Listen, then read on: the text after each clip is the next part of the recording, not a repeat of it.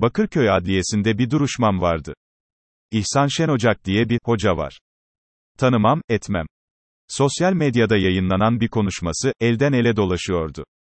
Bu konuşmada İhsan Şen Ocak, pantolon giyen üniversite öğrencisi genç kadınları ve o kadınların babalarını, hayasızlıkla suçluyor, cehennem azabıyla korkutuyordu.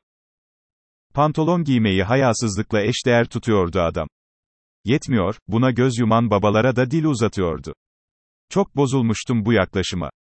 Ve iki yıl önce bir yazı yazıp ağır bir dille eleştirmiştim kendisini.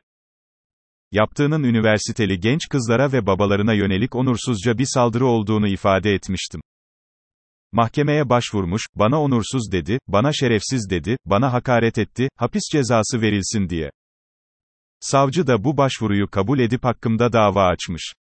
İddianame tanzim edilmiş ve yargılama devam etmiş. İşte bu yargılamanın son aşamasında kendimi Bakırköy Adliyesi'nin duruşma salonlarından birinde buldum. Mahkeme başkanı hakim, hemen yanında Cumhuriyet Savcısı, benim avukatım, Şen Ocak'ın avukatı, mübaşir, yazıcı. Hepsi tamamdı. İhsan Şen Ocak. Yazılı bir savunma sundum mahkemeye. Fakat Şen Ocak'ın avukatı, dinimizi anlattığı için müvekkilime hakaret etti türü sözler sarf edince.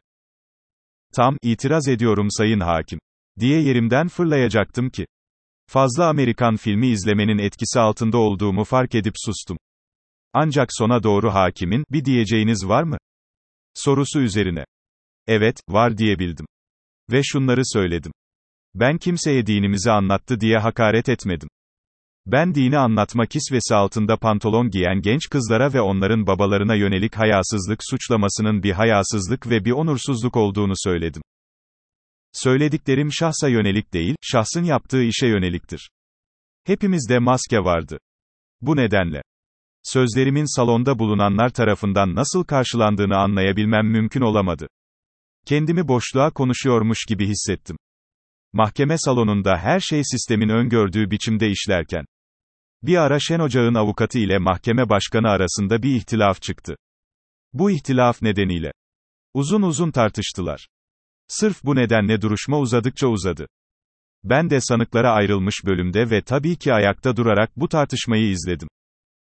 Polemik öyle büyüdü ki, bu tartışma tarafsız bölgede yaşansa, bayağı reyting alırız diye içimden geçirdim.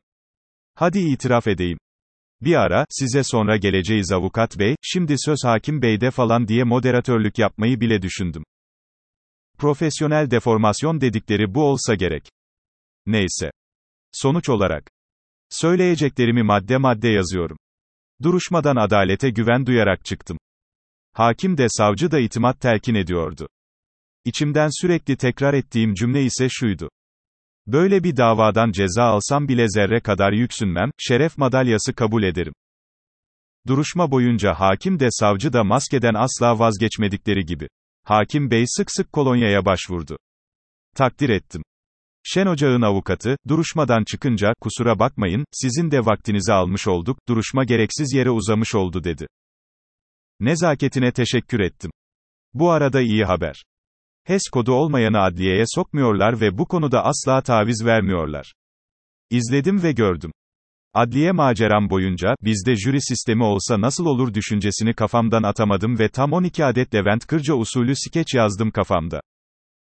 CHP ve İyi Parti'ye yürekten bravo.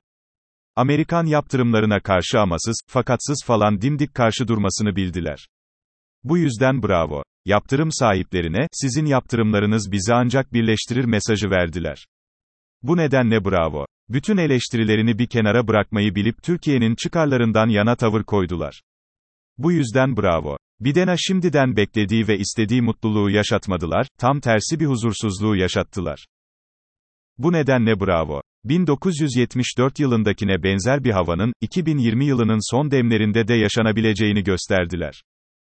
Bu yüzden bravo. Kaba, kibirli, küstah yaptırımlara karşı söylenmesi gereken ne varsa söylediler. Bu nedenle bravo.